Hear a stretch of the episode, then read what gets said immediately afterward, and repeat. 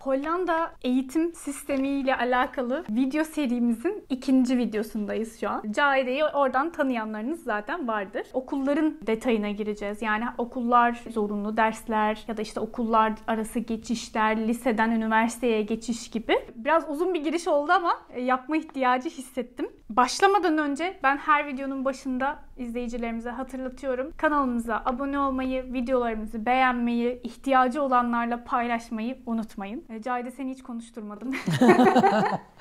Birazdan konuşuruz. Tekrardan hoş geldin. Hoş bulduk. Çok kısa kendinden bahset istersen ondan sonra da sorularımıza geçiş yapalım. Adım Cahide. Çocuklarımı Hollanda'da okutuyorum. Ortaokuldalar şu anda ve gelmeden önce epey bir okul araştırması ve okul sistemi araştırması yapmıştım. Bu konudaki bilgilerimi sizinle paylaşmak istiyorum. Epey deneyimli bir ebeveynsin. Onu ben biliyorum. Bizzat yakınen. Başta da dediğim gibi aslında ben bu videoda biraz okulların detayına girmek istiyorum. Mesela ilk okuldan başlarsak. Burada hani Türkiye'de çok fazla son yıllarda böyle Dalton'dur, Montessori'dir. Çok fazla böyle hani farklı okullar çıktı. Belki de biz yeni yeni duy- duyuyoruz. Dünyada vardı bu okullar büyük bir ihtimalle. Hollanda'da da böyle farklı okullar var mı? Var ama çok fazla sayıda yok aslında. Ekseriyet okullar klasik anlamda işte anaokulu artı ilkokul şeklindedir. Okul çeşitleri eğer Montessori olacaksa genelde ilkokuldan sonra oluyor. Ha ilkokulda değil daha çok orta öğrenimde böyle ayrışmalar oluyor öyle mi? Yani evet sanki orta öğrenime geçerken veliler daha çok buna dikkat ediyor gibi veya öğrenciye hitap ediyor. Zaten burada ilkokulu bitirdikten sonra veli seçmiyor okulu. Öğrenciler e, son senelerinde okulların kabul günleri oluyor. Tek tek okulları ziyaret ederler ve işleyişi görürler ve ona göre içlerine sinen okulu seçerler. Çocuk anaokulunu ya da işte okul öncesi eğitimi bitirdi. İlkokula gidecek.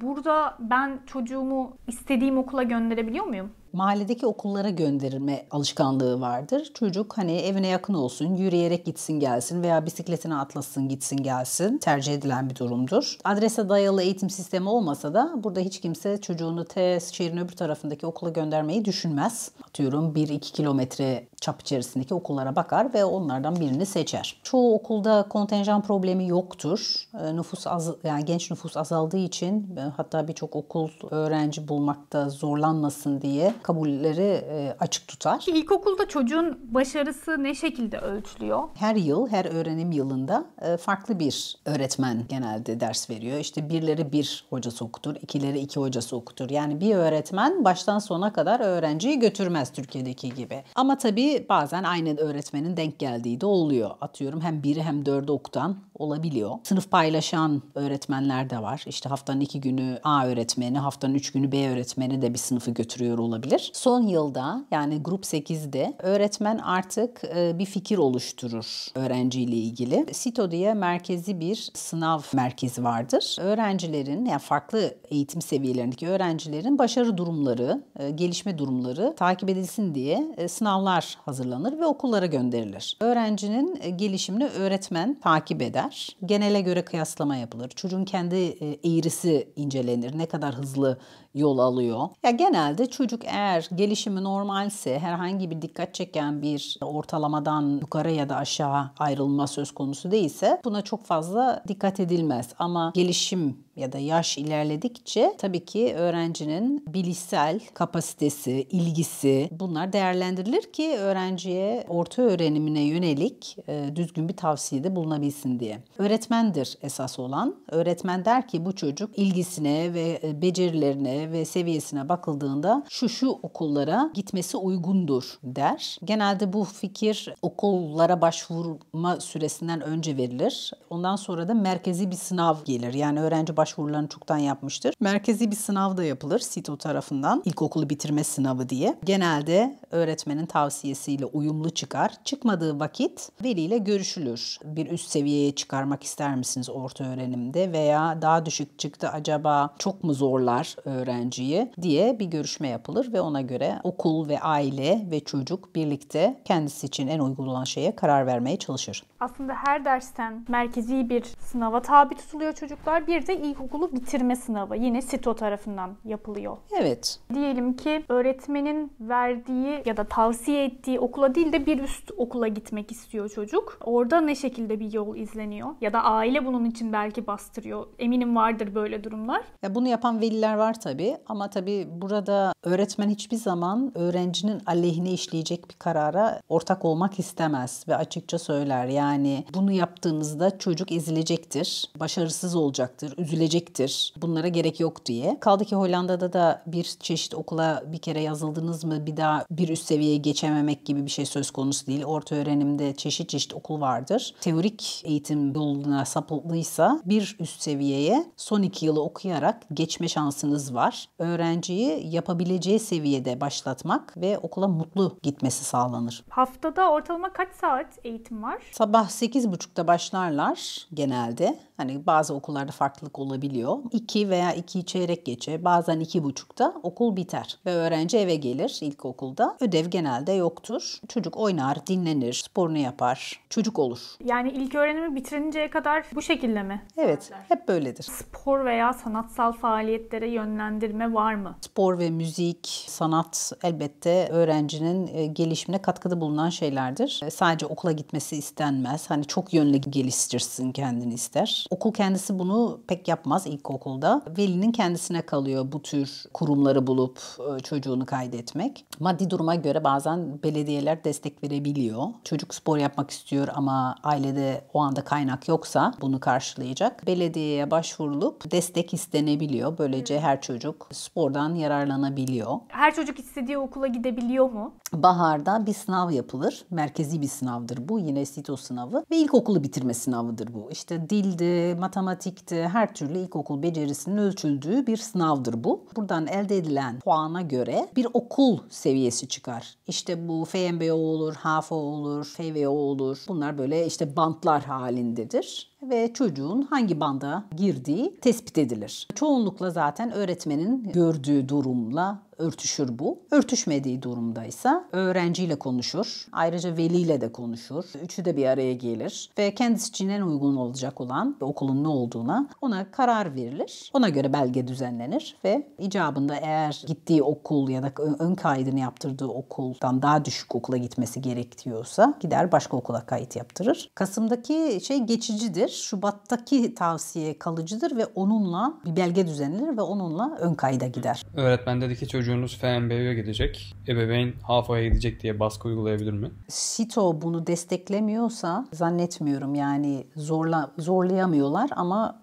pratikte zorladıklarını duyuyoruz ve tabii ne kadar karşı koyduklarından emin değilim. Bazı veliler oldukça ısrarcı olabildiklerini duydum. Çocuğuna zarar vermek isteyen veliye de alet olmaz. Bu SİTO sınavından bahsettin. O zaman çocukların aslında orta öğretime geçişte aldıkları derslerde bir fark yok. Yani atıyorum ileride mühendis olmak isteyen bir çocuk daha ortaokulda bir ders seçimi yapmasına ortaokul değil, ilkokulda bir ders seçimi yapmasına gerek yok. Hayır, değil hayır. mi? Aynı Türkiye'deki gibi normal ilkokuldan sonra orta öğrenime geçişi yapar. Ta orta öğrenimin ortalarına doğru yani son e, yani ikinci yarısında ancak paket seçimine gider, ders paketi seçimine. Diyelim ki iyi bir başarı sergiliyor, bir üst okula geçebiliyor. Biraz bu geçişlerden de çok kısa gene bahsedebilir misin? Orta öğrenime geçerken ya da ilkokuldan ayrılırken diyelim ki e, bir öğrenciye HAFO e, tavsiyesinde bulundu ve bir çocuk HAFO okuluna kaydoldu. Diyelim ki birinci senenin sonunda dersleri hep 9-10, 9-10. İkinci senenin sonunda da yine 9-10, 9-10. O zaman okul der ki ya bu çocuk çok başarılı, çok da fazla zorlamadan kendisini burada başarıyı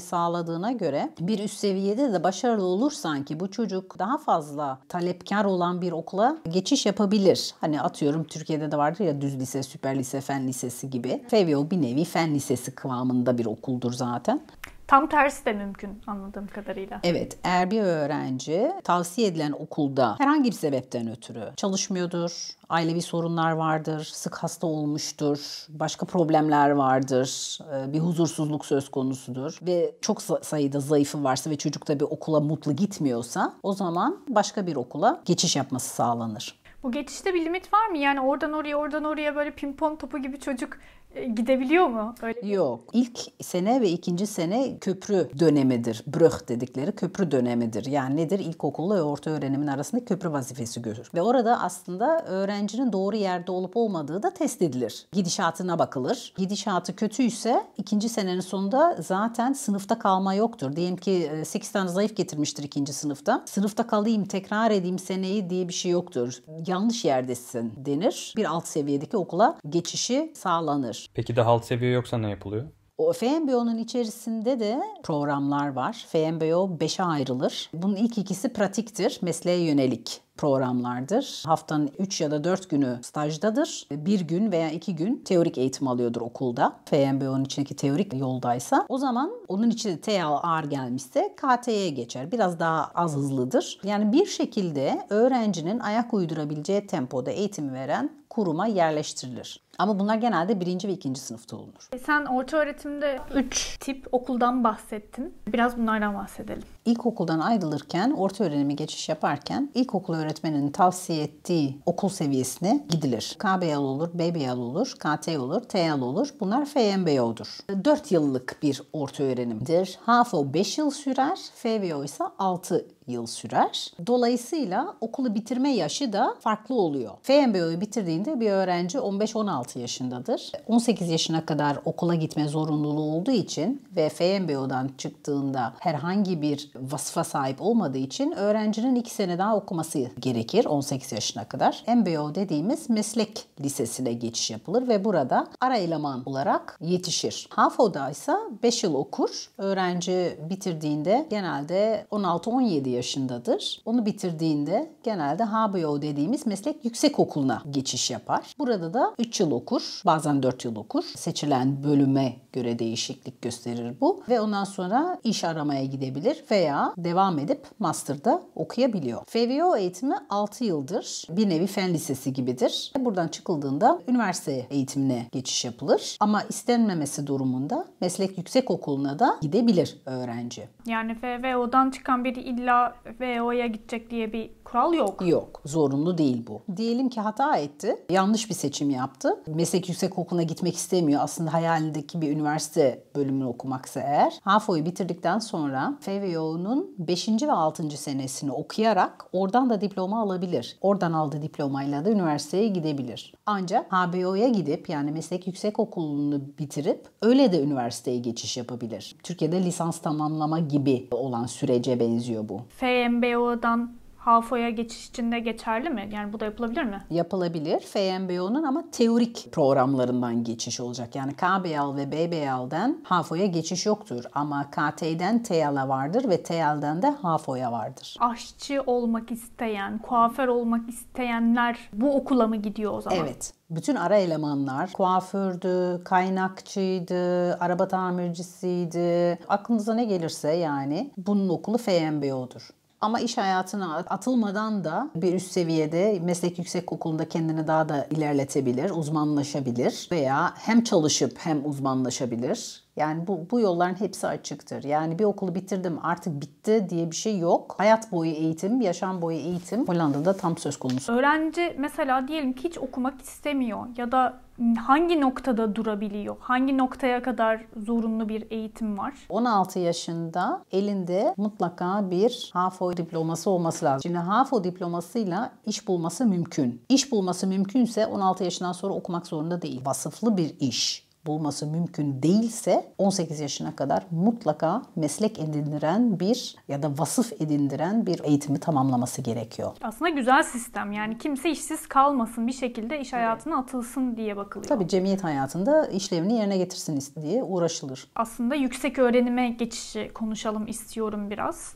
Ee, orada da yine benzer bir durum var. Birkaç seçenek var. Kısaca hani ondan da bahsedelim. Yani atıyorum mühendislik okumak isteyen biri nasıl bir yol izlemeli ya da işte daha bizdeki hani eşit ağırlık vesaire ya da hukuk okumak isteyen biri nasıl bir yol izlemeli? Biraz onlardan konuşalım. Bu orta öğrenimde 3. sınıftan sonra 4'te, 5'te ve 6. sınıflarda tabii var ise okulun uzunluğuna göre değişiyor tabii. E, paket seçimi yapmak zorunda. Nedir? Bunlara profil deniyor ve 4 farklı profil var. Bir profil kültür ve toplumdur. Sosyal bilimler, diller, bunun içindedir. Ekonomi ve toplum vardır. Bizim TM'ye denk gelen bir program. Doğa bilimleri ve teknik bir de doğa bilimleri ve sağlık paketleri vardır. Tabi doğa bilimleri nedir? İşte fizik, kimya, biyoloji. Biyoloji zorunlu oluyor sağlıkta. Birazcık okulun çeşidine göre değişiyor. HAFO'da biyoloji zorunluyken teknik profilde FVO'da seçenekler ve paketler farklılık gösterebiliyor. Biraz da okulun imkanlarıyla da ilgili. Bu profillerin içeriği okuldaki öğrenci sayısı, öğretmen sayısına bağlı olabiliyor. Ama asgari müşterekleri vardır. Örneğin bir kültür ve toplum alıyorsanız tarih zorunludur. Tarih tarihsiz o şey olmaz. Yani o profilin zorunlu olarak dahil edilmesi gereken dersleri vardır. Bir de öğrencinin seçimine bırakılan, örneğin bunlar zorunludur. Sen de iki tane daha seçeceksin kendine. Coğrafya veya fizik alacaksın yanına. Sen seçimini yap der. Tabii bu profiller daha sonra üniversitede seçmek istediği programda da ön koşuttur. Yani der ki üniversite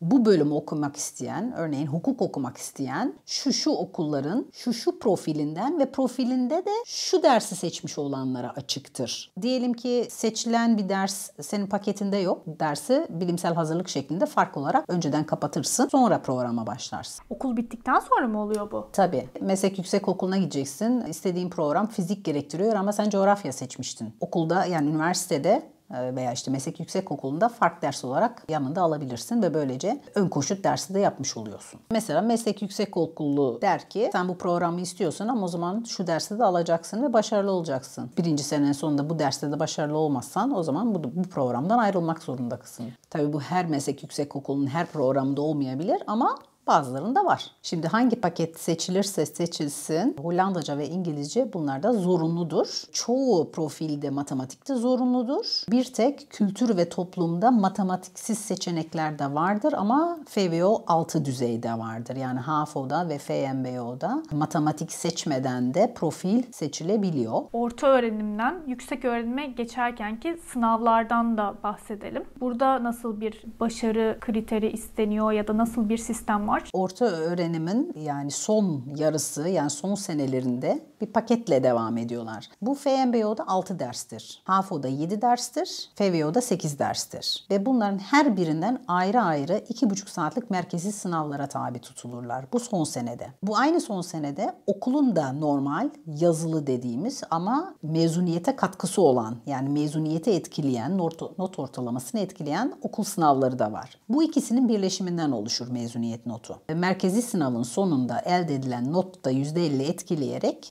öğrencinin karne ya da işte diploma notu verilir. Yani diploma notu bir tane değildir. Bütün dersler için ayrı ayrı notlardır. En düşük not 5. 4.9 alırsa öğrenci mezun olamaz. Bir 5'i varsa bunu kompanse etmesi gerekir, telafi etmesi gerekir. Başka bir dersin 7 ise o şekilde 7 artı 5 12 böldün mü 6 eder. Böylece kompanse etmiş olur o bir zayıfı. iki tane zayıfı olamaz. Seçmiş olduğu derslerin her birinden 6 almak zorundadır öğrenci. Diyelim ki iki tane beşi var. Diplomayı alamaz. Son seneye bir daha okur. Peki ilk öğretimden mezun olabilmek için minimum bir e, not ortalaması var mıdır?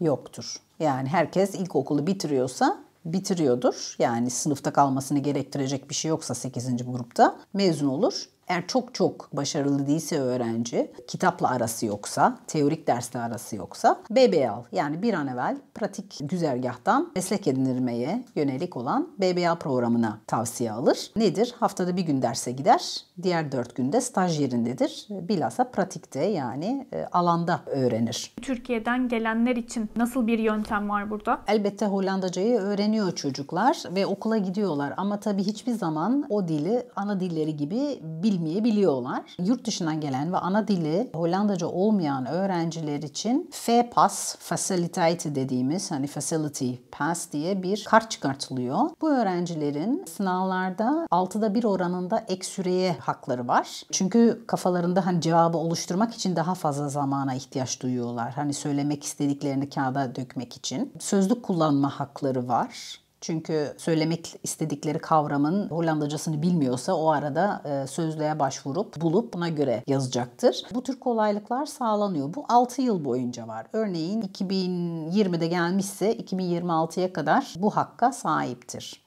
Bir de yabancı dil hani bir önceki videoda da değinmiştik aslında ama hem İngilizce hem de burada İngilizce dışında da Almanca, Fransızca gibi okulda dil eğitimleri oluyor. Bunlar ne zaman başlıyor? Ne zamana kadar devam ediyor? İngilizce zorunlu olduğu için zaten birinci sınıfta başlar. Ta mezuniyete kadar devam eder ve ondan sınava da girilir zaten. Merkezi bitirme sınavına. Almanca ikinci sınıfta başlar çoğu okulda. Fransızca da birinci sınıfta başlar. Yani birinci sınıfta İngilizce ve Fransızca ile başlanır. İkinci sınıfta Almanca eklenir. Üçüncü sınıfta üçü vardır. Üçüncü senenin sonunda da hangileri seçiliyorsa profilinize göre dil seçilir. FVO'da bir zorunlu dil vardır fazladan. Yani İngilizce artı ya Fransızca ya Almanca seçmek zorundasınızdır. HAFO'da yabancı dil seçmeden de devam edebiliyorsunuz. Farklı derslerden. Profile göre değişiyor ama zorunlu bir ikinci modern dil yoktur HAFO'da. Tabii ki FMBO'da da yoktur. FVO'da da galiba ufak bir ayrım var. Cimnazyum, Ateneum gibi bunların arasında ne gibi farklılıklar var? FVO tabii e, direkt üniversite yani üniversite lisans eğitimine yönelik bir hazırlık yapan bir eğitim kurumudur. Kendi içinde iki programa ayrılır. Nasıl FMBO kendi içinde ayrılıyorsa FVO da kendi içinde ikiye ayrılır. Ateneum ve Gimnazyum diye. Ateneum'da Latince yoktur. Gimnazyum'da Latince vardır. Hatta e, eski Yunanca, Grekçe'de vardı eskiden hala var mı emin değilim. Klasik diller yoktur Ateneum'da. Gimnazyum'da vardır. Gimnazyumun sadece ders olarak farkı yoktur. Aynı zamanda tabii programın hızı. FMBO çok yavaşken FVO hızlıdır. Gimnazyumda en hızlıdır. Yani tempo yüksektir. Öğrenci leb demeden leblebiyi anlar. Sıkı çalışır. Dolayısıyla en ağır programdır. En yoğun programdır. En hızlı programdır. Tıp okumak isteyenler genelde tercih edebiliyor ama bu şu demek değil. Yani HAFA okuyan tıp alanında, sağlık sektöründe e, öğrenim göremez diye bir şey yok. Atıneym için de aynı şekilde. Benim aklıma gelen sorular bu kadar. Senin aklına başka bir şey geliyor mu? Söylemek istediğin bir şey var mı? Bayağı bir tablo çizdik gibi. Bu konularda hani daha fazla bilgi ihtiyaç olursa bir film daha çekeriz. Yani zaten videonun altına eğer izleyenlerin soruları olursa onlar bırakırlar. Cevaplayabildiğimizi cevaplarız, cevaplayamadığımızda sana bağlanırız. Kanalımızı beğenmeyi unutmayın. Abone ve... olmayı unutmayın. Ha, evet abone olmayı unutmayın ve e, videolarımızı paylaşın. Çok teşekkür ederiz vakit ayırdığın için. Umarız Rica izleyenler için de çok faydalı olmuştur. Umarım. Görüşmek üzere. Hoşçakal.